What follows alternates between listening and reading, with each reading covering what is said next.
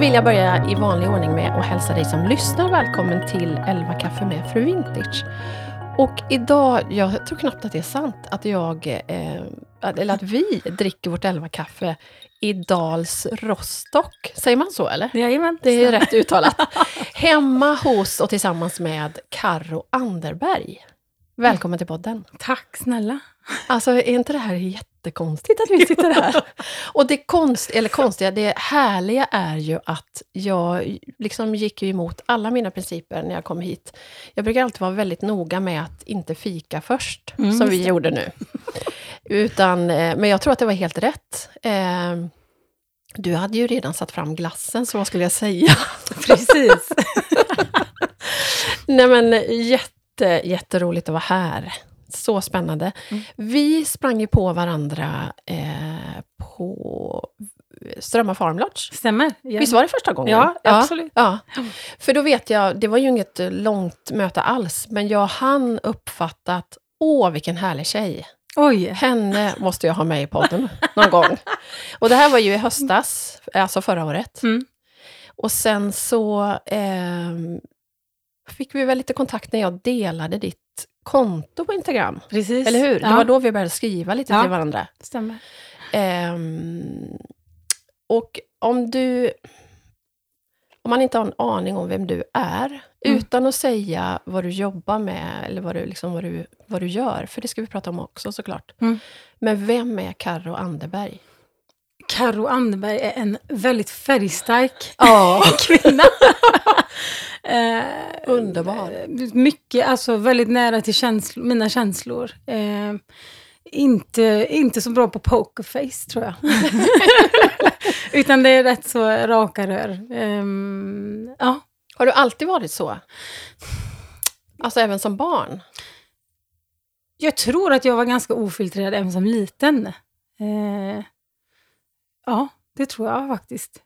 För det lilla som jag har upplevt av dig nu då på Strömma, då var du där och sjöng. Mm. Och jag var där med mitt kaffe och mina prylar. Mm. Och nu har vi fikat en stund här tillsammans och haft en eh, fantastisk stund. Minst sagt. på många olika sätt. Eh, men, men jag liksom upplever dig som att du bara intar världen. Alltså du har en sån otrolig karisma och öppenhet och... Tack. Ja, men Wow. verkligen. Ja. Men var kommer det ifrån? Och var kommer det ifrån? Eh, det bottnar ju säkert i en, eh, i, eh, alltså, en trygghet i mig själv såklart. Alltså, att jag, ju äldre jag blir, ju bättre kompis blir jag med mig själv. Eh, men det bottnar ju självklart också i min gudstro. Helt säker. Alltså, ehm, Ja. Den ska vi också prata mer om. Jaha. Men är, har du syskon? jag har syskon, äldre syskon. Jag är yngst. Eh, mest bortskämd. Det kanske är en av orsakerna då, att du Kan har liksom vara. fått vara... Men det kan det vara. att Du har fått Absolut. vara... Jag har alltid fått, men jag är minst och jag har alltid fått vara, göra allt det där som mina syskon gör. Eller kanske fick göra senare i livet, fick jag göra ganska tidigt. Köra moppe innan jag var fem. Alla, alla, alla roliga saker. Det är väl ett litet privilegium när man Ja. Men är du sladdis eller är du, hur Alltså, skiljer det på er? Min bror Joakim är sex år äldre än mig, min syster Camilla är fem år. Så det är sladdis, Ja, men ja. kanske inte någon Nej. jätte... Nej, Nej. ingen jättestor skillnad egentligen. Nej. Nej. Jag börjar, brukar ju faktiskt börja mina samtal med, eh, och det vill jag extra gärna göra här, för jag brukar fråga hur dagen har börjat och vad du har gjort innan vi sågs. Hur har dagen börjat? Den har börjat med en stormig eh, morgon med mina barn, som vanligt. Hur gamla är de? Eh, Leon är sex år och Till är tolv. Så iväg till skolan med dem. Är det Och- stökigt? Alltså, i, I morse var det ganska lugnt, men det kan verkligen vara stökigt. Får du Eh, väcka dem eller vaknar de själva? ja, idag vaknade Leon före mig, men eh, i- igår var han nästan... Jag kunde knappt väcka. Jag fick liksom vara inne var typ tionde minut. Men Leon, måste upp! Vi ska till skolan om en halvtimme. Ah, Eh, Men Tille är uppe med tidigt med tuppen och hon ska fixa sig och hon ska sminka sig och prova kläder. Och, ah, hon Lite- upp i den Ah. Lite pre-teenager, Ja. verkligen. Men följer du dem sen eller går de, tar de sig själva? Nej, jag går. Antingen går eller så kör jag bilen. Oftast åker jag ju till jobbet. Eh, Just det. Ja, Mm. förutom idag. Så idag. Men idag blev det faktiskt bilen, för vi var sena.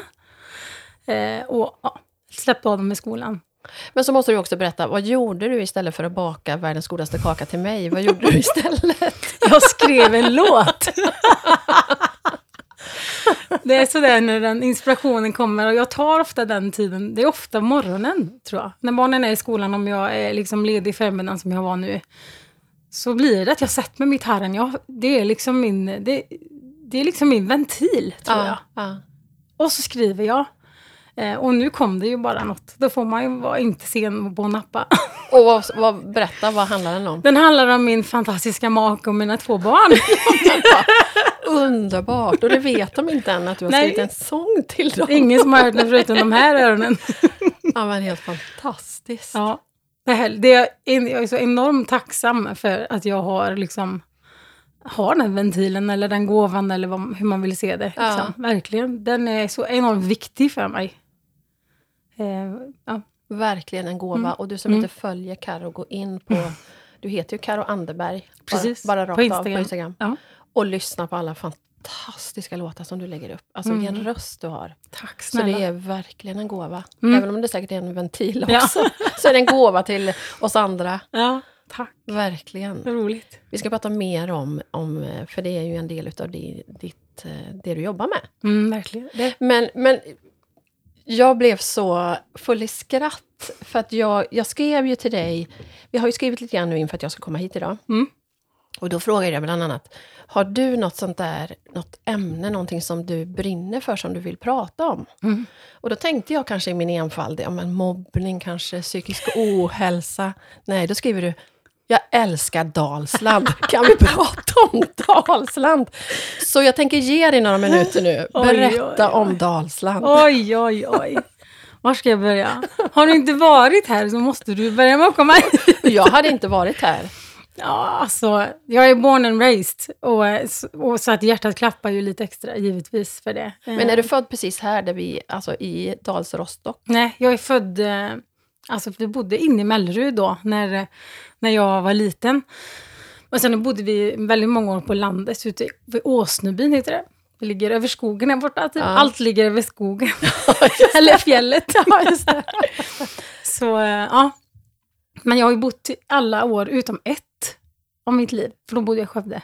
Eller vi, jag och Emil. Ehm, så ja, jag är eh, löjligt förälskad i Dalsland. Och vi, vi, vi befinner oss i, alltså strax utanför Mellerud, Mm. eller hur? Mm. Men vad är det som är så fantastiskt med Dalsland? Sälj in nu då. Sälj in då Karin. ja, men alltså skog, mark, vi har så otroligt mycket sjöar, mycket småsjöar. Gillar man att bada, jag älskar att bada. Så är det här. Om man gillar att paddla, jag är ju en sucker för att paddla kajak. Jag köpte mig en kajak precis innan covid. Fantastiska pengar att investera. eh, snacka om sinnesfrid. Så bara tillgången till skog och natur. Och också väldigt mycket konst och kreativitet. Mycket duktiga musiker, liksom. Kreativa själar tycker jag att det kryllar om. Och jag är ju en av Du är dem. du en av dem.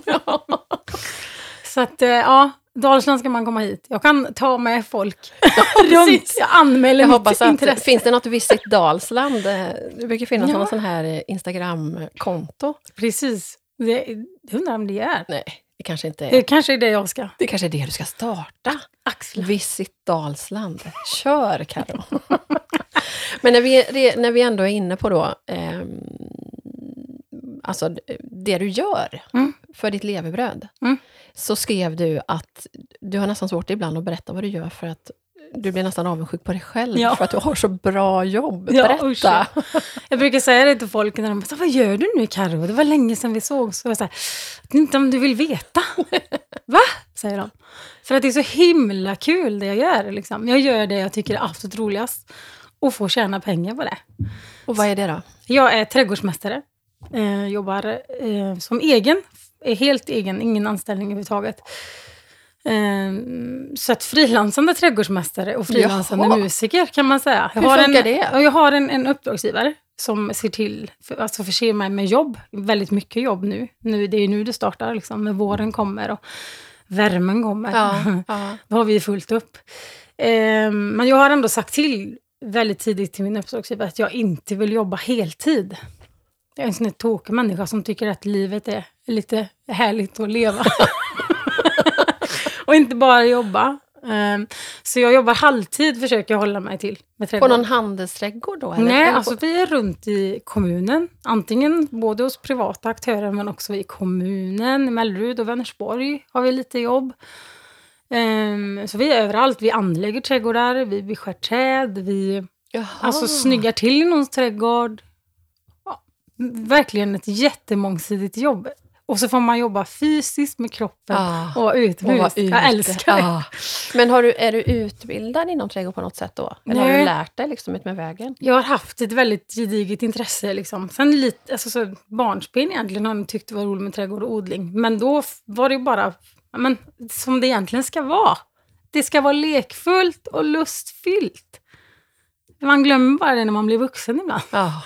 Men, men, eh, så jag har ingen utbildning inom trädgård. Liksom. Jag har jobbat som florist, men utan utbildning. Och vi sitter här bland alla dina fina tomatplantor.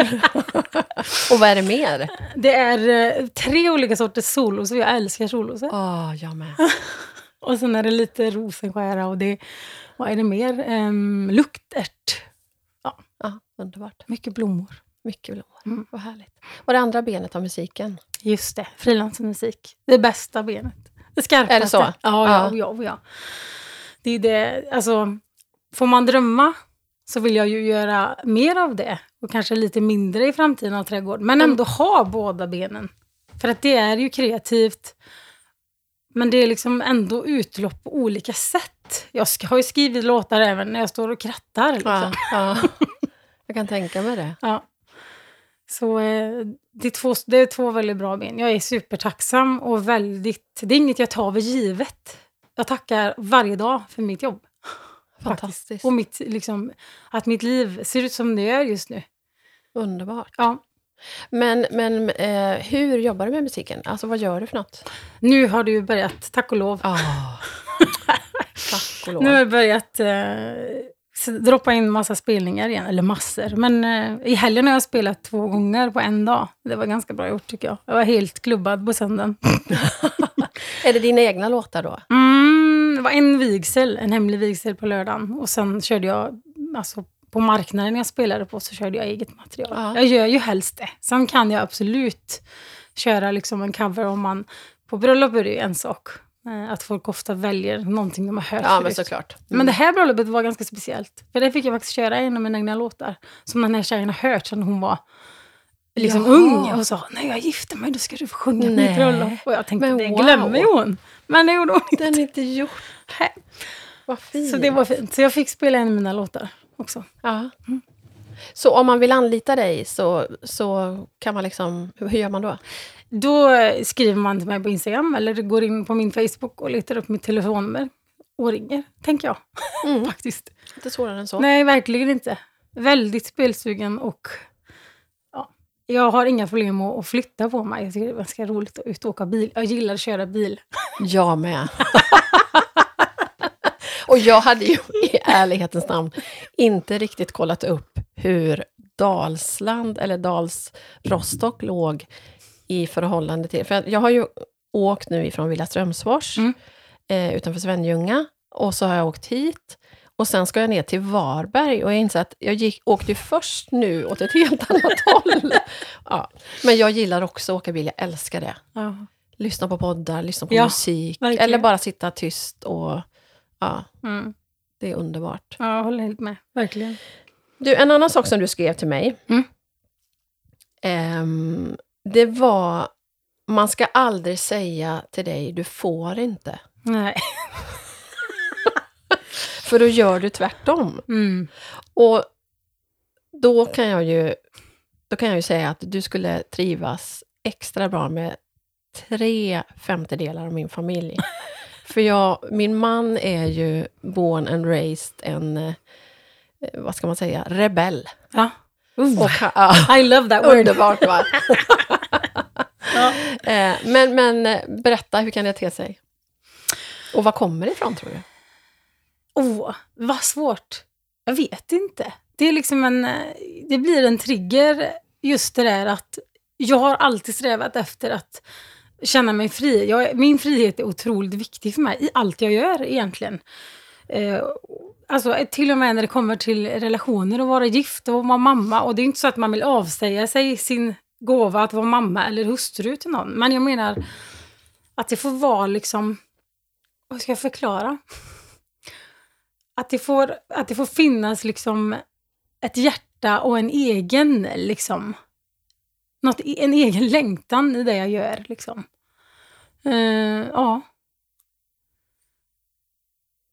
Har du gjort saker där folk har sagt att det där, ja.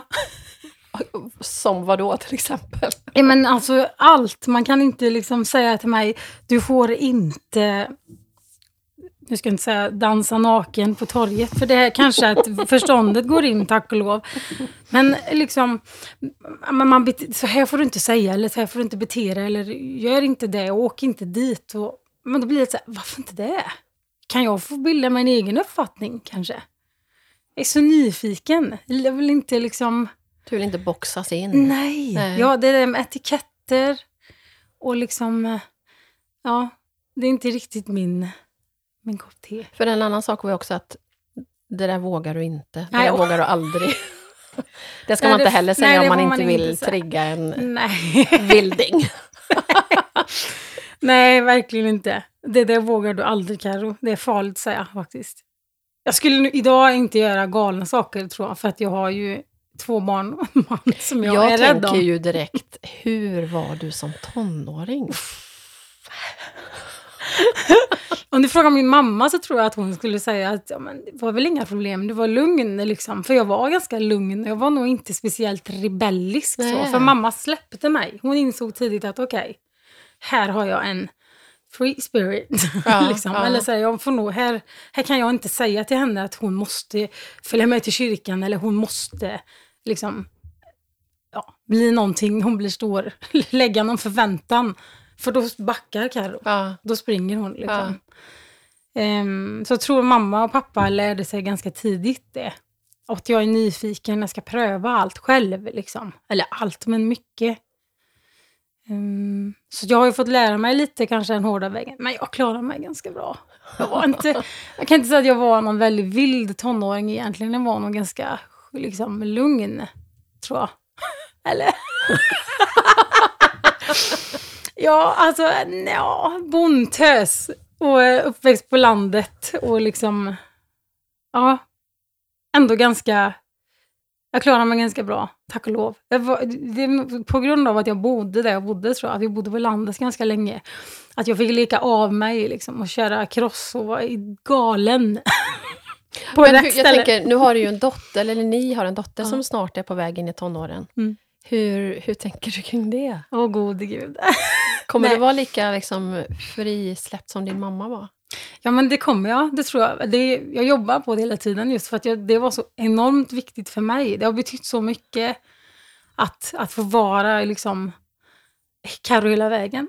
liksom. Mm. Att inte att inte bli styrd. Alltså man formar ju sina barn hela tiden, givetvis.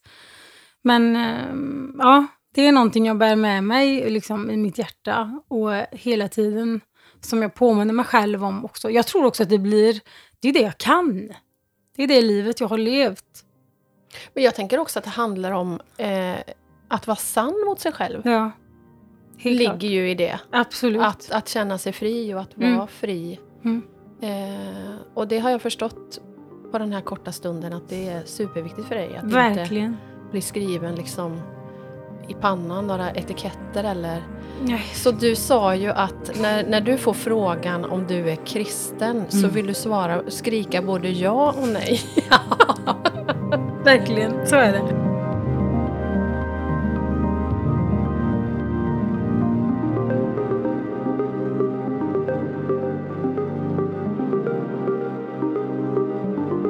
Eh, eh, vad menar du då?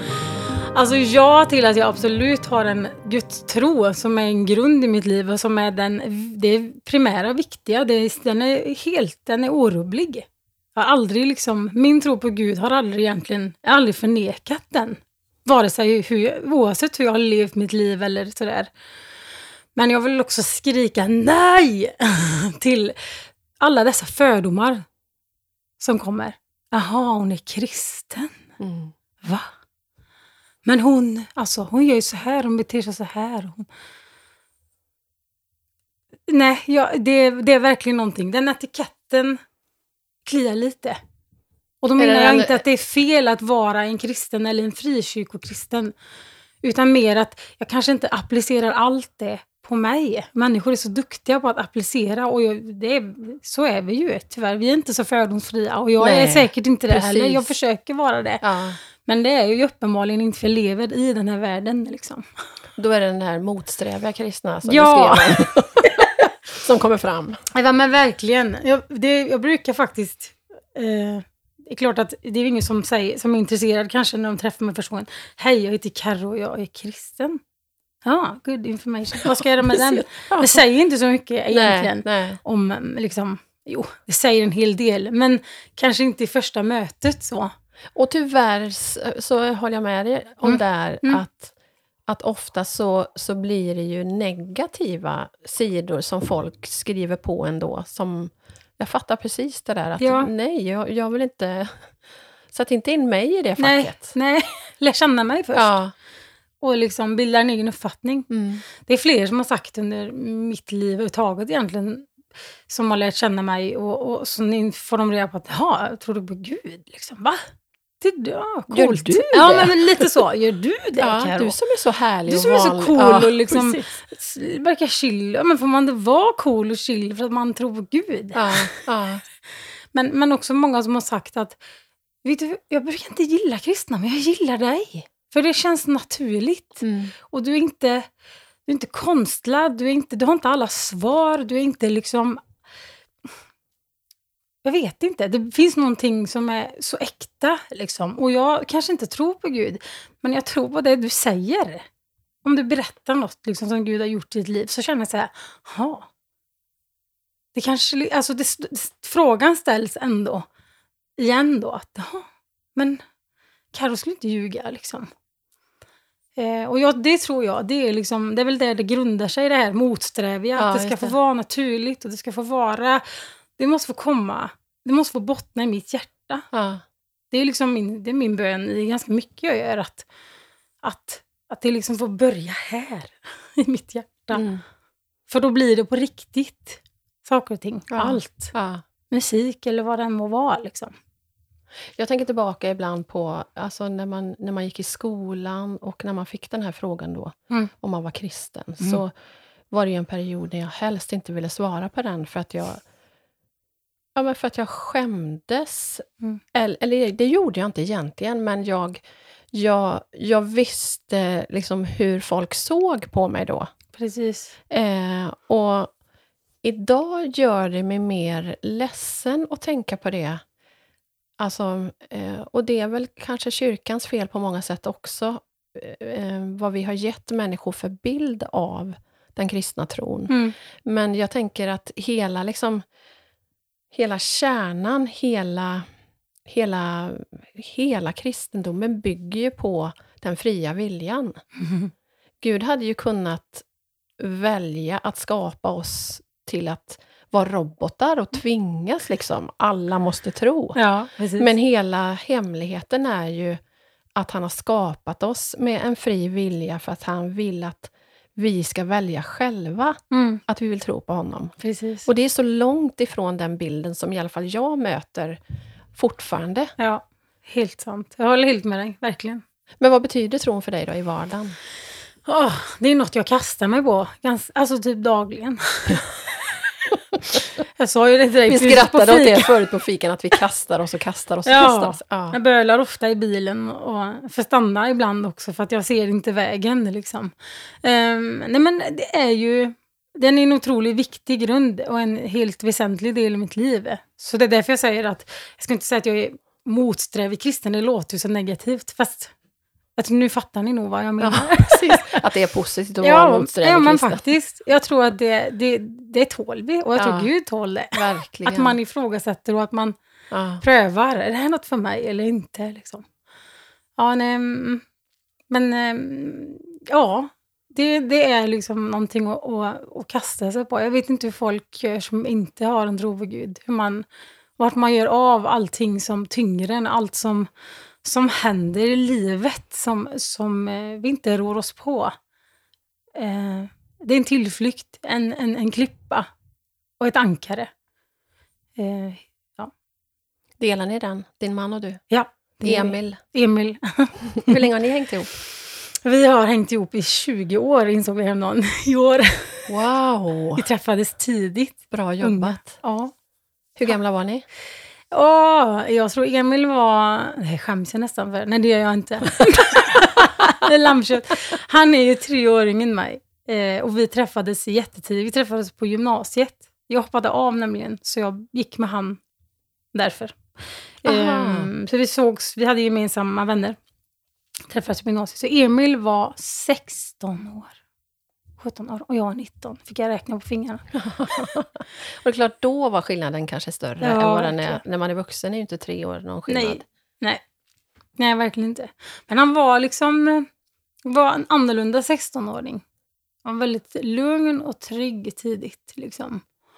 Inte någon sån här festprysse typisk kille. Liksom. Han eh, hängde med sina polare och han spelade lite dataspel. Och, ingen nörd liksom. För hade ju inte jag tittat på honom.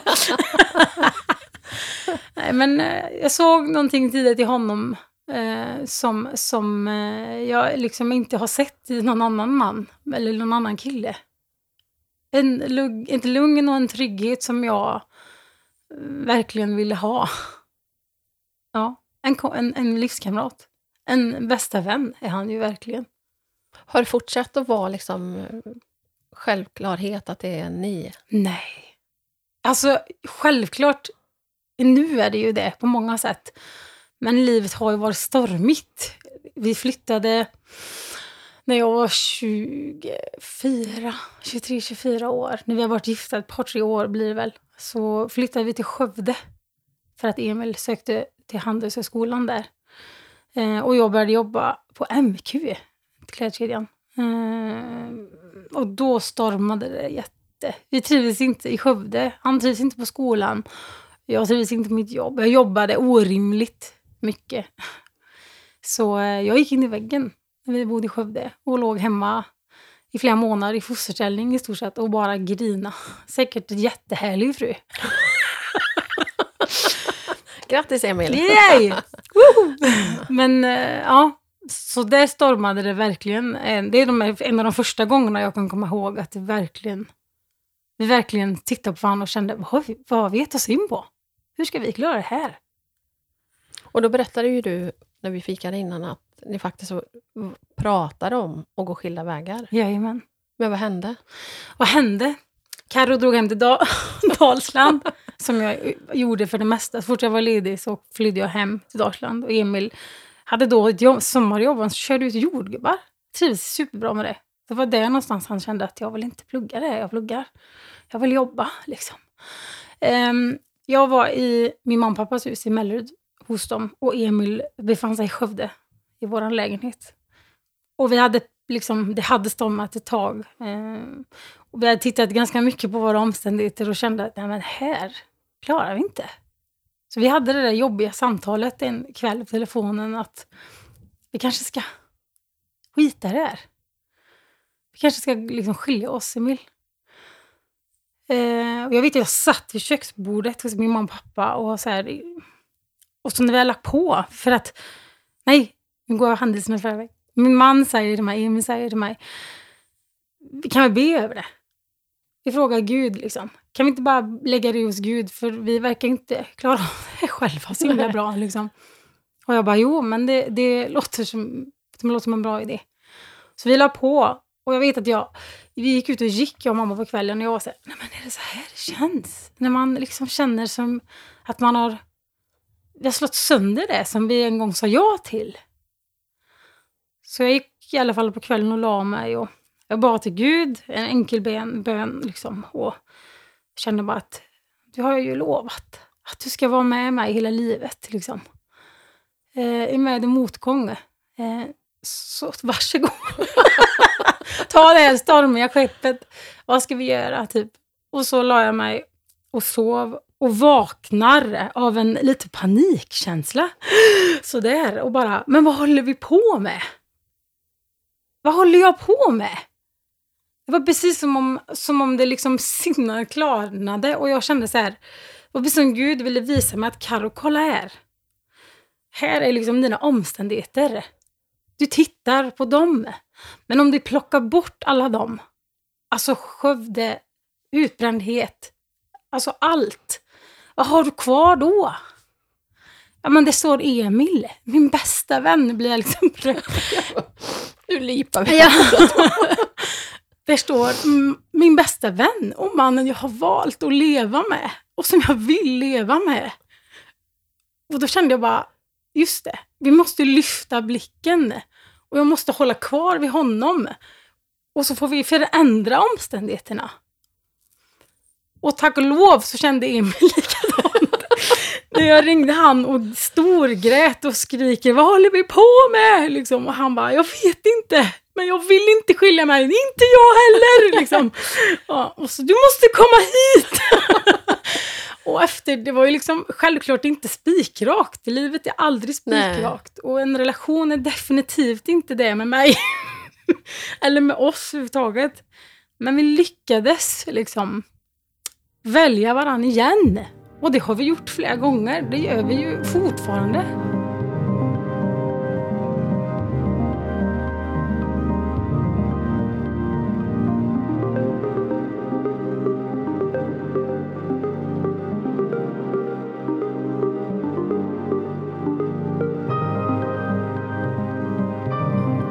Lämnade ni Skövde då? Det gjorde vi. Ja, ni gjorde det. Vi flyttade ganska tätt inpå tror jag. Eh, jag hade ju nästan flyttat hem till mamma och pappa redan, för jag, hade ju, jag var sjukskriven, utbränd. Ehm, så vi flyttade hem till en liten etta på Postgatan i Mellerud. Fantastiskt! Och jag var så glad. Och det var verkligen, det är ju liksom, det var så mycket som föll på plats. Bara att vi fick komma hem och liksom människor och familj och alla relationer man har liksom skapat. Folk brukar fråga mig, vad gör man i Mellerud? Ja, ja men när man lever. Ja. Jag har mitt liv här, min familj, människor ja. jag älskar och investerar min tid i. Det är vad man gör här. Ja. Precis som på alla andra platser. Så, ja, vi lyckades. Men tog ni professionell hjälp eller? Inte då, men Nej. vi har gjort det i efterhand. Eller vi har gått... Eh, för som sagt, det stormar ju. Det är inte så att livet... Och det gör det för de flesta? Ja, ja. Absolut. Ja. absolut. Så vi har varit och pratat med pastorn i vår församling i Salemkyrkan i Vargen. Um, uh, det var det är också flera år sedan nu, men då var det sådär, vi kände åh, nu stångas vi bara hela tiden och vi når inte varandra. Liksom. Vi, kan, vi, vi, vi blir bara arga. Vi två noshörningar. Så här, inte att vi slåss, men att det blir väldigt hög volym och det blir liksom... Mm. Ja. Så vi kände bara, vi når ju inte varandra. Här kan vi inte alls... Det är bara munhuggs. Och så blir det inget bra. Så sårar vi varandra igen och igen. Så då gick vi och pratade med pastorn i, i kyrkan och liksom fick men nya verktyg och vågat, vi fick titta på varandra på liksom ett nytt sätt. Och han påminde oss om att den där första kärleken, liksom att ja, men en massa bra verktyg. Eh, återigen att lyfta blicken och inte titta så mycket på omständigheterna. Mm. Jag tänkte på det när jag åkte de här tre timmarna till dig idag, mm. knappt. Mm. Eh, just det här med... För jag kommer ju från Villa Strömsfors, då jag hade ett frukostföredrag mm. igår. Och där jag pratar mycket om eh, ja, men, att välja utifrån sitt hjärta, att leva livet utifrån det som är mina prioriteringar, det, det som är viktigt för mig, mm. men också utifrån eh, hur viktig familjen är, inte bara för familjen själv, utan för hela samhället. Mm. och, och jag tänkte det på vägen hit. Tänk om samhället, inom situationstecken, för samhället är ju vi såklart, men, Mm. men om, man, om, man, om det hade varit liksom en... Tänk vad mycket man hade att vinna om man hade gett familjer, inte minst småbarnsfamiljer, verktyg. Alltså att, det skulle, att vi skulle sänka ribban, dels att söka hjälp, att Ja. faktiskt prata med någon. Men tänk vad vi hade kunnat vinna på att Ja, men varför, varför inte liksom bekosta eh, samtal för alla små... Jag vet inte vet jag hur det skulle gå till, men om vi förstod alltså hur mycket vi har att vinna på hela familjer. Enormt mycket. Eller hur? Tänk att få, som precis som du säger, tänk att få liksom mer verktyg och mer människor som vågar träda fram. Ja, precis. Men det ska vi klara själva. Ja. Det är liksom sån tabu på något sätt. Och sen när man skrapar lite på ytan så märker man att ja, men de flesta stångas med samma saker. Ja, Och så är det de här intensiva småbarnsåren och så har man inte verktygen och så orkar man inte hålla ut och så går man skilda vägar och så, så liksom skapar man nya familjer. Alltså, Mm. Ja. Nej, men det ligger ju verkligen en, en, någonting viktigt där ja, med familjen. vi skulle ha så mycket att vinna på. Ja, Mm. ja det skulle man kunna göra många, många poddavsnitt Ja. av. och jag är ingen expert Oh, på ja. något sätt, ska jag verkligen stryka under. Men, men, men det är någonting som jag funderar mycket för och, Mm. på och som jag brinner för, just, Mm. just familjen. Hur viktig den är som liksom samhällsfundament. Och, ja, Verkligen. ehm, Det börjar ju där liksom. ja, Grunderna Ja, läggs men ju där. ja, Oavsett hur det ser ut så, så är det där det startar. mm, Allt liksom. mm, mm. Vad tycker du är viktigt, eh, om du tänker på era barn, skicka med dem ut i livet? Åh. Jag försöker boosta mina barn med självkänsla och kärlek, alltså både till sig själv och andra människor. Och våga vara sig själv. Återigen det med att vara fri, att få känna att vara sann mot mig själv är, ger liksom en, en, en frihetskänsla och, och ja, det är viktigt. Jag skickar, med boostar, liksom, vi skickar nog med mycket, mycket det. Själv, alltså, acceptera och tycka om sig själv. För att någonstans börjar det lite där. Liksom. Att, att har du en trygghet i dig själv och en, en, en schysst relation till dig själv så blir du ju lite mer motståndskraftig för allt annat som Mm. händer runt omkring dig och allt som händer i världen. Verkligen. Vad skulle du själv vilja bli ihågkommen för den dagen du inte finns på jorden mer? Och jag hoppas att människor kommer ihåg mig som en varm och god person och en bra vän. Eh, barnen gärna som en väldigt varm och snäll och god kärleksfull mamma. Ehm. Men också att våga gå sin egen väg, att göra det på mitt sätt. Det är inte ett rätt sätt kanske alltid. Men för mig är det ju det. Mm. Ja. Våga gå lite mot strömmen liksom. Det tror jag är vi är fler som behöver göra. Ja, verkligen. Vi verkligen. är så, vi är så uppslut. Det är ju det där med Instagram och telefon. Allting är så tillgängligt och det är fantastiskt. Men det är också en fallgrop. För jag puttar in så mycket av perfektion och av, av liksom fina miljöer och helga fina människor och putsade fasader. Mm. Eh, Och också att man kanske puttar in saker som man egentligen inte vill ha själv. Absolut. Men hur många avföljer, och det är ju inte så fel på kontot eller människan bakom, utan det är vad det triggar hos mig. Mm. Jag har hela tiden ett ansvar gentemot mig själv. Att välja vad jag matar mig med, Ja, vad jag tittar på. Mm.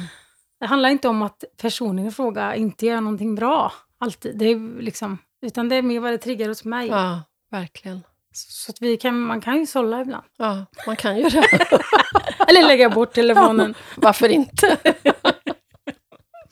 Men du, om du... inte behövde liksom, eh, tänka ekonomiska begränsningar eller praktiska eh, begränsningar eller någonting. Vart är du om fem år? Wow, vilken bra fråga. Vad är jag om fem år? Ehm. Fortfarande med min familj. eh, gärna något varmt ställe. Jag tänkte ju säga i Dalsland. är Men- du inte kvar i Jo, Dalsland? oh, jag kommer aldrig att flytta härifrån. Men jag är lite sugen. Jag och Emil har pratat många år om att, eller hela tiden sedan vi träffades egentligen, om att kanske någon gång kunna flytta. Jag är ingen vintermänniska. Sådär, inte, uppskattar inte vinter och mörker så mycket. Ehm, så bo kanske lite varmare breddgrader. Var skulle det vara? Drömstället? Då tänker vi också bort all miljöpåverkan. Så att jag vill inte ha några mejl om det sen. om vi tänker att ingen miljöpåverkan fanns, inga ekonomiska begränsningar. Allt är bara fritt. Åh, vad härligt. Himmelriket. Vilket jag precis. Nej, men Maldiverna. Eller Italien. Jag har alltid haft en italiensk Ja, dröm. Italien Man vill inte ha ett hus i Italien. Eller hur? Eller Frankrike, liksom. Ehm, jag spelar mycket mer. Jag vill sprida min musik. Jag vill sprida det som, som ligger på mitt hjärta. Ehm, och jag vill vara mycket med min familj. Jag vill vara frisk. Det var inte så dyrt ändå, kände jag. Ja, det är det där huset i Italien då. Men du, vad, visst har du gett ut musik?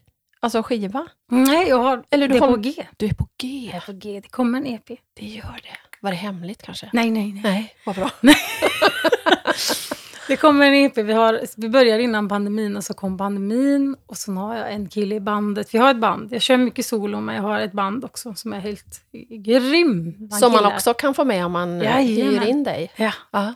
Så jag kan komma solo eller trio eller fyra. Och vi är väl sammanlagt... Många är vi? Sju? Sex? Oj. Sju. ja vi är rätt många. Ja. Det kan bli dyrt. det, kan det kan bli dyrt. Men det är otroligt bra. Ja, det är värt det. Ja, men det är en av killarna som har diabetes och då var vi lite så här, man la, vi la det lite på hyllan under pandemin och det är mycket som ska funka och Mm. man ska vara i en studio samtidigt. Så. Eh, Men pandemin var bra på många sätt. Inte bra i sig, men den förde med sig något bra. Jag har skrivit väldigt mycket ny musik. Och när kommer den då? När kan vi höra på den? Ja, vi måste göra färdigt den startade för två år sedan. För nu finns det till gäng nya låtar som måste spelas in. Ja. Vilket är ju hur kul som helst. Så, eh, men pen, alltså EPn kommer till hösten, är planen att släppa. Ja. Om den blir en hel EP eller om den blir singelsläpp, det har vi inte riktigt bestämt än. Men jag finns ju på Spotify. Jag sjunger, eh, jag har backat upp Paul Victor Börjesson bland annat, en artist, en kristen artist. Han har jag sjungit en del med. Och det finns liksom små, små om man Så man söker gå på. Caroline Anderberg så finns det några liksom i kristna genrer. Ehm, Men min musik handlar ju också om Gud, väldigt mycket om Gud och om relationer och min familj. Alltså det som ligger på mitt hjärta. En låt som talade till mig som jag var inne och lyssnade på. Jag lyssnade, eller var inne och scrollade lite grann på ditt Instagramkonto. Mm. Det var en låt som, jag tror att den heter Hope. Ja. Den är många som gillar. Vad, Vad fint. handlar den om? Den handlar om, alltså, jag skrev den samma dag. Vi, vi, vi blev förfrågade, jag och bandet, om att vara med i en, på en insamling eh, till cancer, en ka, cancerfond. En kväll som man samlar in pengar Mm. för människor som lever med en vidrig sjukdom. Eh, och vi blev tillfrågade, jag och mitt band, och jag tackade jätterungande ja. Ehm, och så hade jag, vi skulle spela två låtar. Och en låt hade jag bestämt mig för att den här blir bra. Av mina egna. Mm. Men så kände jag så här, så, jag vill... Jag vill skriva något nytt. det vill jag hela tiden, men... Och jag hade inget nytt. Och så kommer dagen när, när det liksom ska bära iväg till den här konserten, så, så börjar det klinga i mig. Jag säger, vad, vad vill man ge människor som lever med en vidrig sjukdom eller som har förlorat någon i en vidrig sjukdom. Hopp. Så Hope skrev jag samma dag. Gå, kommer till konserthuset eh, några timmar innan och säger till mitt band, vi måste spela den här. vi måste spela den här låten. Och jag spelade igenom den och de, vi körde den samma kväll. Och den betyder väldigt mycket för de som var där. Och den betyder fortfarande väldigt mycket för, det är väldigt många, om jag spelar x antal låtar och så är det liksom väldigt många som Hope, liksom, den fastnar. Den lämnar avtryck. Mm. Jag tror man kan, många kan känna igen sig i den, liksom. Applicera den på sig själv, även om det inte handlar om cancer. Man kan ge människor hopp på så många sätt. Den, jag gillar den själv. Ja, gå in Eh. och lyssna på, på den, på Karo Anderberg på Instagram. Mm. Jag hade ju önskat att vi hade kunnat spela den här och Ja. nu. Ja. Det hade varit något. Men ehm, ja, verkligen jättefantastisk låt. Mm, den, är, ja, den är betydelsefull. Helt klart. Det är viktigt när jag skriver. Det är alltid fokus på text. Jag vill liksom förmedla någonting jag vill. Det finns så otroligt mycket bra musik i världen. Och bra musiker. Och duktiga sångare och sångerskor. Men om det inte lämnar ett avtryck, när det inte berör dig, så kvittar du bra det. För då Mm. går det till, det faller liksom i, i glömska. Men får det, beröra din, får det beröra någon så klingar det ju längre. Ja, Det finaste, liksom, det finaste man kan ge mig när jag spelar, vart jag än spelar, i kyrkan, utanför kyrkan, på puben, på ett kalas. Sina, tå, alltså mina, sina tårar. Hur många det har kommit fram, kvinnor då kanske främst, eh, och kastat som halsen på mig och gråtit. Och man blir lite så här, okej, Oops, ja. ska vi se, hur handskas jag med det här? Eh, vi känner inte varandra. Och så jag vill bara säga tack, jag blir så berörd. Och man bara, alltså tack, det är Ja. jag som ska säga tack. Wow. Det är eh, jättespeciellt att få, att få den feedbacken. När det får gå ända in. Ja. Fantastiskt. Mm. Jag tycker att det här känns som en väldigt fin avslutning och ett bra slutord.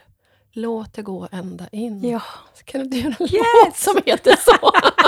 Det ska jag försöka. Skriver du bara på engelska?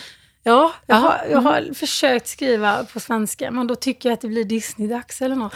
Det är, den här stora kritiken, den där djävulen på axeln. Ja, ja. Men, eh, men jag tänker att jag vill skriva på svenska också. Det, det, det är viktigt. Mm. ja, man når ju en annan publik kan Ja. jag tänka mig. Ja. Jag har inte alltid gillat svensk musik, eller inte lyssnat så mycket. Men de senaste åren har jag lyssnat mer. Det tänker jag är en bra början. Ja, och jag tänker också att, att eh, just det här att beröras av musik och höra text som är på ens egen språk. Mm. Det är väldigt speciellt. Ja, det är det verkligen. Det är det Ja, jag skickade med det som en liten tanke. Ah. Tack snälla, snälla Karo för att jag fick komma till Dals Rostock idag. Till Tack. ditt mysiga hus. Och framförallt få hänga med dig. Ah, Tack så jättemycket. tack själv. Stort tack. Hej då! Ja.